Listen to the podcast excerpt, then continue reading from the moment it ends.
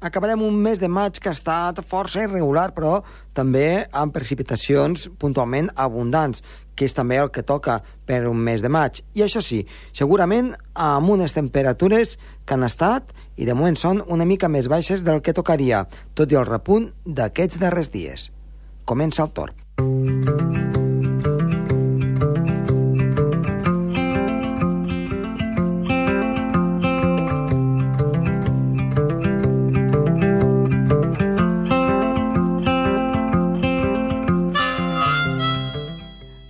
Programa d'avui parlarem amb Gerard Tauler, que ens parlarà de l'onada de calor, en aquest cas del Japó i també de Groenlàndia. I Sergi Càrceles ens portarà un extens temari sobre núvols, però en aquest cas núvols que són més aviat estranys o rars, que estan sobretot a l'alta atmosfera, ja fora del que és la troposfera. Tot això amanit amb la previsió del temps per aquest cap de setmana. Som-hi!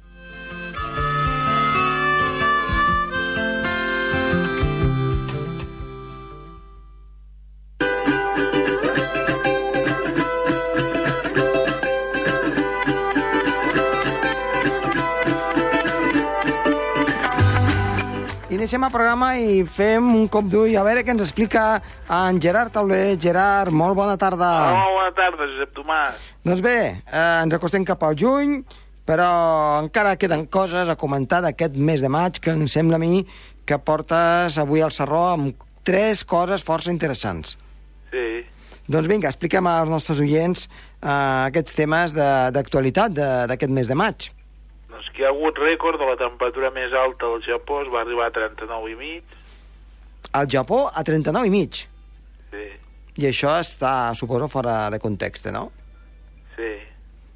El rècord de la sèrie de, de, de, de, de, de tots els observatoris del Japó. Mm -hmm. Devia ser cap al sud o al centre o...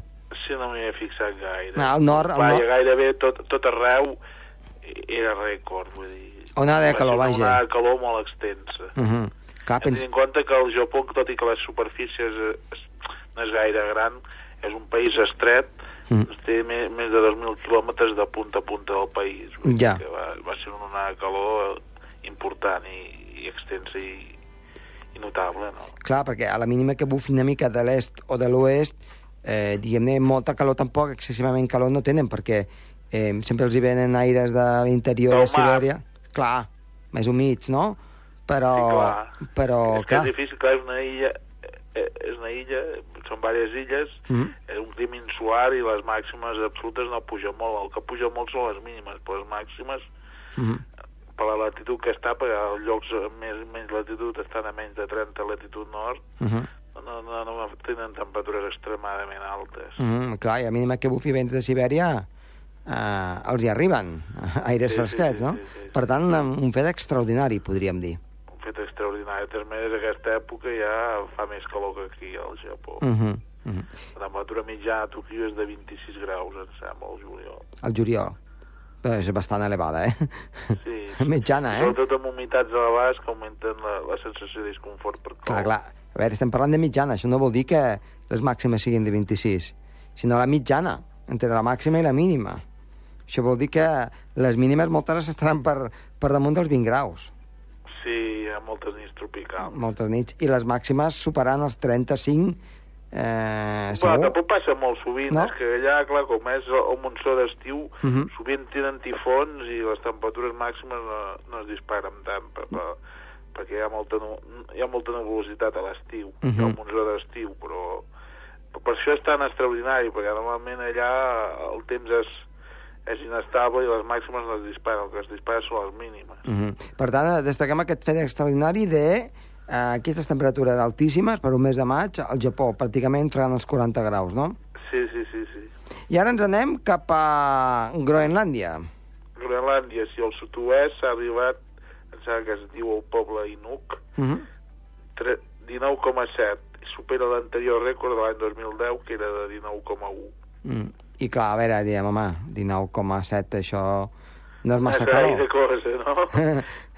Però- però- però hem de tenir en compte que és Groenlàndia Ja, però estem a Groenlàndia, no? sí, Per tant, eh, és un fet extraordinari també o, o és habitual? Com, com ho podem és, remarcar? és extraordinari clar, és que últimament Groenlàndia s'està fonent la, la, la capa de gel. Uh -huh. Uh, el mapes que he vist a Caza Tormentes es veu un retrocés de la capa de gel molt important. Uh -huh. Clar, i a, a... Que, que també té relació amb, amb, amb la fosa de, de gel àrtic, perquè Uh -huh. està ben bé el cantó de Groenlàndia, de, de, de, de l'oceà glacial àrtic. I a part, ah, clar, aquest, aquest gel sí que és que va directament al mar i per tant i fa pujar... directe- al introdueix nivell? la pujada al nivell del mar, sí, sí, el que he llegit a Caza Tormentes, sí. Uh -huh. Perquè, clar, no és com el gel de l'Àrtic eh, marí, que aquest no fa pujar res, eh, però aquests sí que són de glaceres, per tant, aquí Sí, sí, sí. hi ha un aport, no? Un aportament d'aigua dolça, sí. Mm, I, per tant, rècord també de calor a la zona de Groenlàndia i finalment ens en anem cap, a, cap als Alps. Doncs sí, el, el dia 27 de, de maig ha hagut de suspendre una etapa al Giro d'Itàlia, una part de- d'una etapa, Mm. anar al, al nord de la, de, del país, als Alps, Mm -hmm. em sembla que el, es diu el pas de Sassua, Mm -hmm. que, que, que hi havia congestes de, de neu de, de, de ben bé 4 o 5 metres, de, i clar, era perillós que, que, que els ciclistes transitessin per aquesta zona, per la carretera, però podien haver-hi allaus de neu Mm que, que, que no és gaire normal en aquesta època hi hagi tant, tant d'espessor de neu, no? Clar, i això, això com, com, com, com ho casem amb el que m'has explicat ara? Bé, perquè hi ha, aquesta època, ja, ja ho he dit altres vegades, que hi ha una circulació molt meridiana, hi ha situacions d'anticicló de bloqueig amb masses d'aire càlides que a vegades arriben a latituds molt altes, no fa gaires dies vaig dir que la màxima va arribar a 31 graus Mm -hmm. doncs, al nord-oest de Rússia, i en canvi a, latituds mitjanes doncs, hi, ha, hi ha hagut entrades d'aire fred, borrasques, Sí? Fa pocs dies tenien borrasques bastant persistents, profundes, amb aire fred a l'alçada i, i temperatures baixes al nord d'Itàlia, provocat nevades doncs, importants en aquesta zona. Vull dir que Mm -hmm. aquesta zona, ben bé, la quantitat de neu és més al- alta del que s'hauria d'esperar per l'època de l'any. Ja, ja, ja, normalment hi ha, hi ha més neu que aquí al Pirineu, però Sí, clar. no, n'hi ha, ha més de la mitjana. Per tant, podríem dir que... Eh, a veure, això fa de molt dir, eh? Sí, que fa compensacions, no? Sí. L'atmosfera, allò de les zones vull dir, no? Sí, sí. I, i, i també tu creus que... Um, això ho hem comentat potser la setmana passada, però aquest mes de maig s'està comportant normal a nivell global o... o, o Bé, encara no han sortit resultats, però... Bé, en, en, fa, fa pocs dies, per exemple, va, vaig llegir que hi ha hagut un desplaçament dels tornados. Uh -huh. La, la zona de tornados, quan està més al mig oest, s'ha anat disposat cap al mig est dels Estats Units, i de la Mhm. part sud-est, la zona de Tennessee. Per tant, aquí hi ha Una... una... L'estat de Tennessee, a, a la prop de la desembocadura de, de, del riu Mississippi. Sí, sí, sí. Per tant, aquí hi ha hagut Sí, eh, Gent com- afavorida? Canvis, no? Sí, gent afavorida, però altres que en surten... Perjudicats. Perjudicats. Sí, sí, sí, amb el canvi climàtic és ben bé que és difícil de dir si, si va bé per uns o pels altres. Clar, clar, clar. Ja, de totes maneres, suposo que la gent ja està preparada en totes aquestes zones, o hi ha hagut tornados en zones que no s'ho esperaven? Bé, aquestes zones abans n'hi havien, però ara són més Ah, són freqüents en més. aquestes i menys en, les altres com era el triangle dels tornados que allà per, per, allà a Oklahoma. Clar, ja t'entenc. O sigui, on n'hi havia més, n'hi ha una mica menys, on n'hi havia pocs, ara es veu un increment. més, Sí, Hi sí, ha un sí, increment. Sí, sí, ja ha canviat la, la distribució. Molt bé, doncs escolta, déu-n'hi-do, déu nhi déu eh? Tota el, Sí, el, ben bé que, que, que, que, El- la meteorologia sempre té Sí, sí. alguna cosa a fer-nos parlar. no, no et deixa pas, pas avorrir. Eh, No, Gerard, no, no. doncs moltíssimes gràcies, t'esperem la setmana vinent. Vinga, que vagi molt bé, Josep Tomàs. Adéu-siau. Que ve.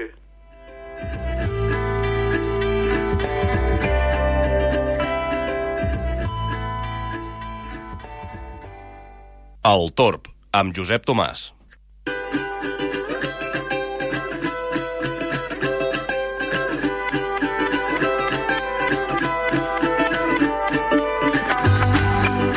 I continuem amb el programa, en aquest cas anem a connectar amb Sergi Carceler. Sergi, bona tarda. Bona tarda. Doncs eh, què ens portes aquesta setmana? Quines són les notícies en les quals doncs, ens has de deleitar aquests Doncs propers mira, minuts?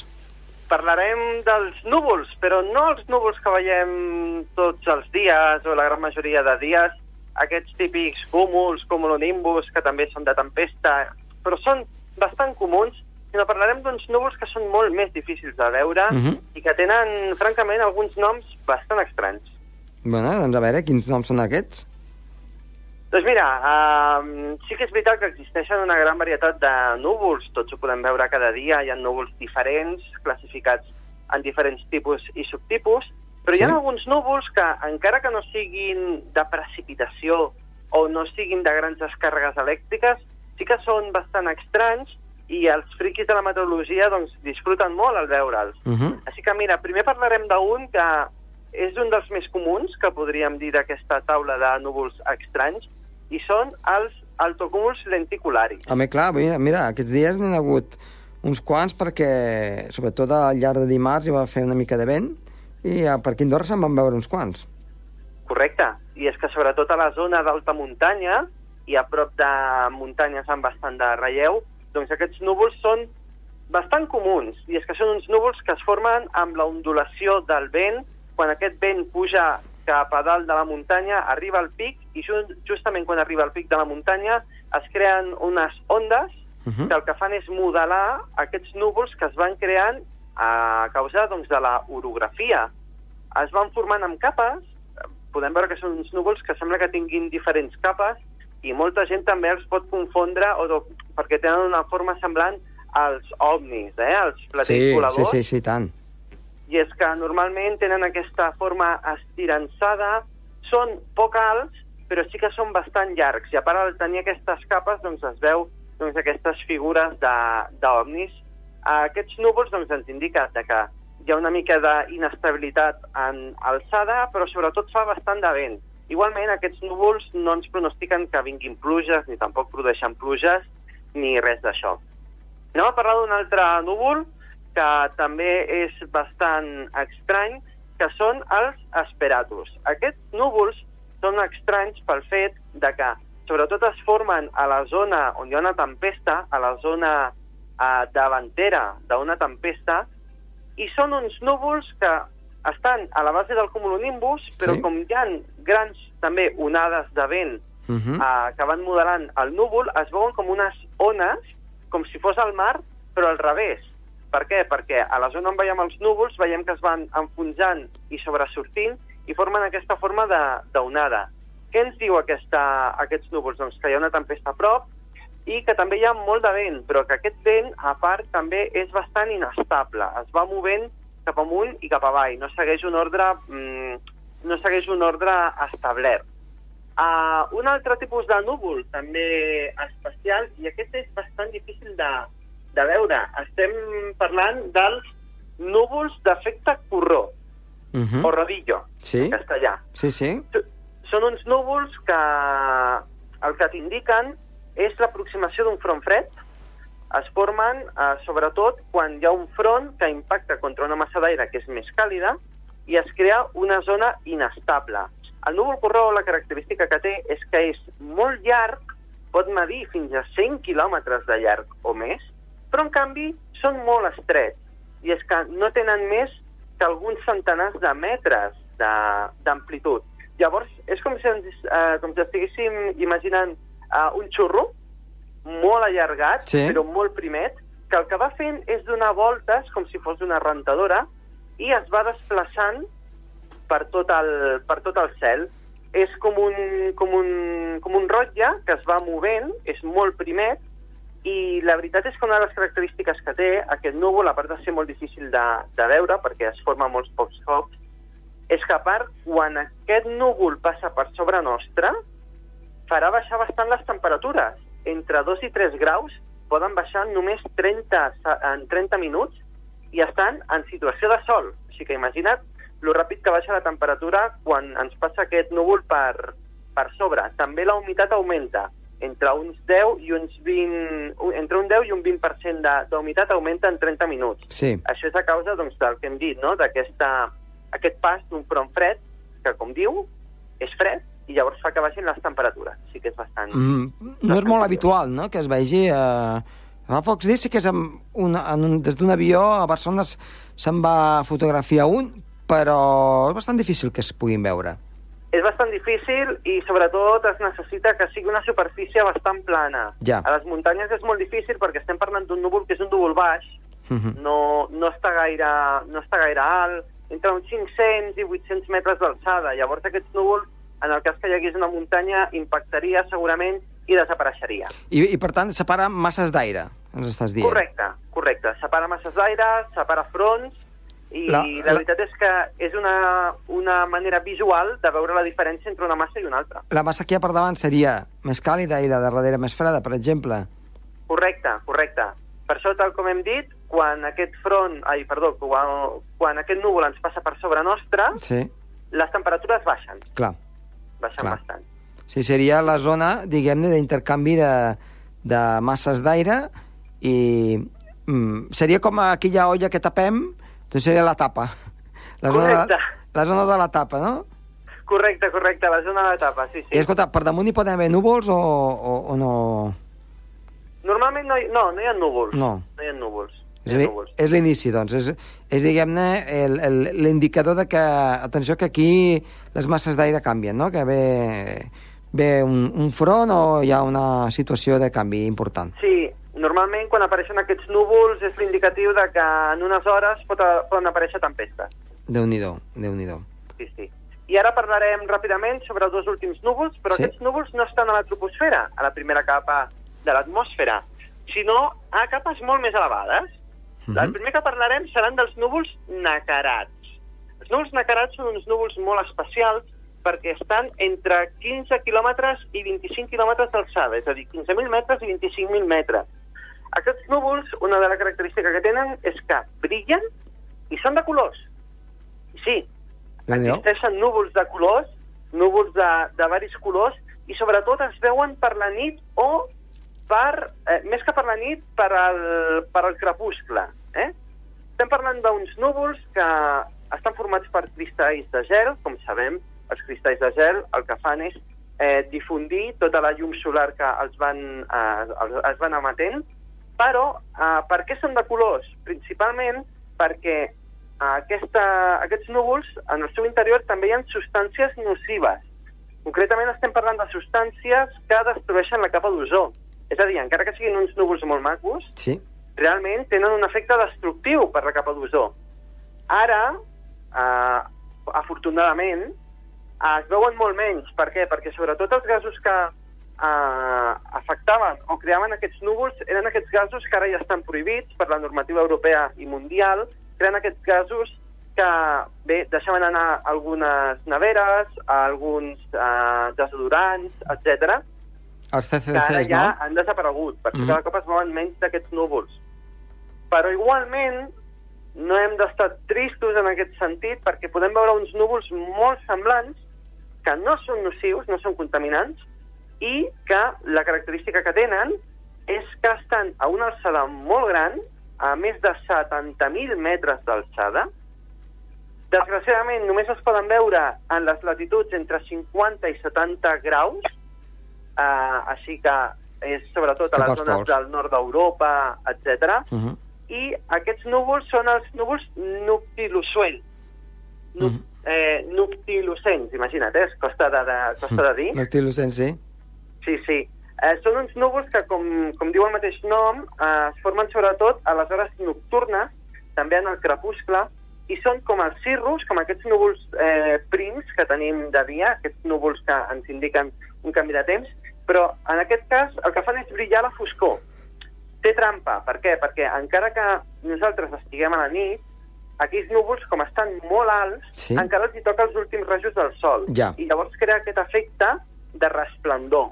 Que, si algun cop anem per al centre o nord d'Europa i veiem de nit uns núvols prims, però que brillen a mitjanit, això és a causa de- d'aquests núvols, que són molt rars de veure també, perquè eh, són difícils de veure, perquè són molt primers, i sobretot, eh, si estàs enmig d'una ciutat, la mateixa il·luminació Clar, no, de la ja- ciutat ja no ens te'ls deix- deixarà veure. Ja.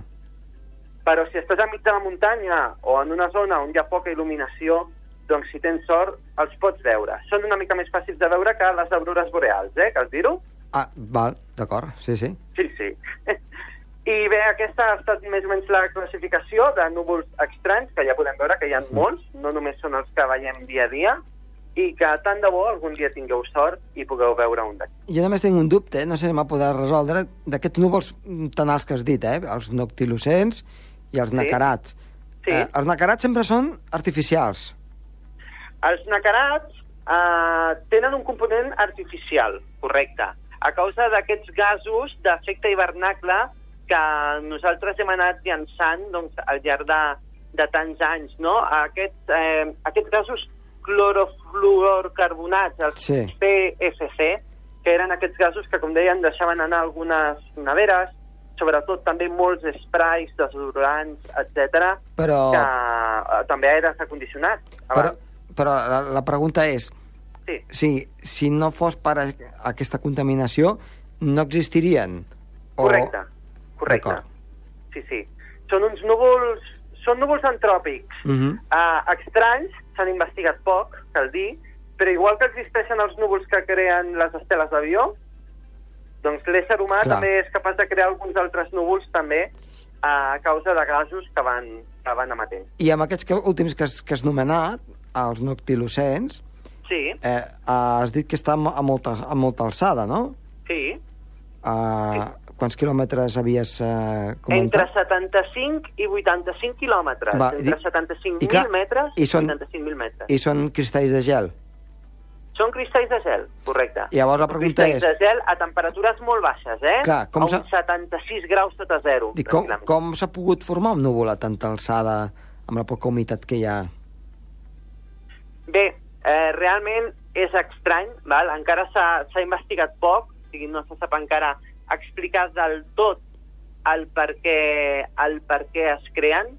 Uh, sí que es teoritza que és uh, per un, aquest increment de núvols o aquesta visió de núvols pot ser pel canvi climàtic, perquè també hi ha fluctuacions no, de, de temperatures que cada cop fan que també doncs, um, com dir-ho, eh, les temperatures també siguin una mica més calentes a aquelles zones, però eh, també es té la teoria de que aquests núvols també pot ser a causa de l'aigua expulsada per alguns transbordadors espacials Mhm. i totes aquestes naus espacials i satèl·lits que anem llançant a Mhm. l'espai.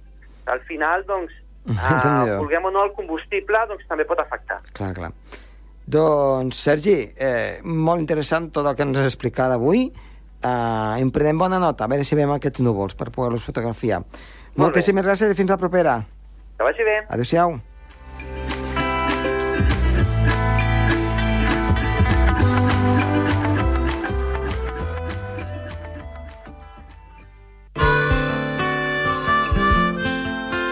El Torb, amb Josep Tomàs.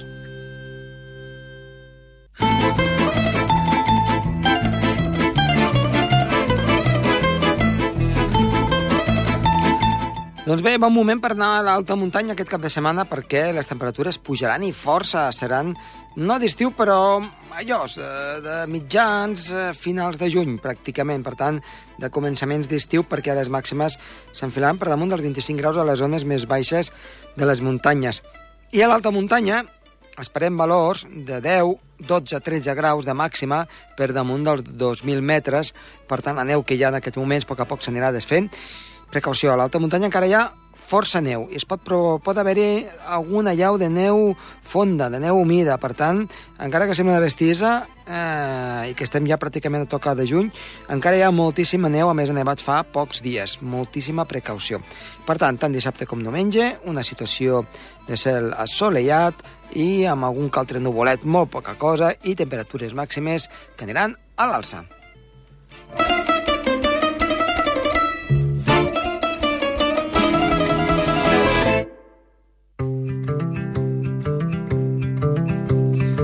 Doncs bé, això ha estat tot en el programa d'avui. Tornem la setmana que ve. Està de les vies de so.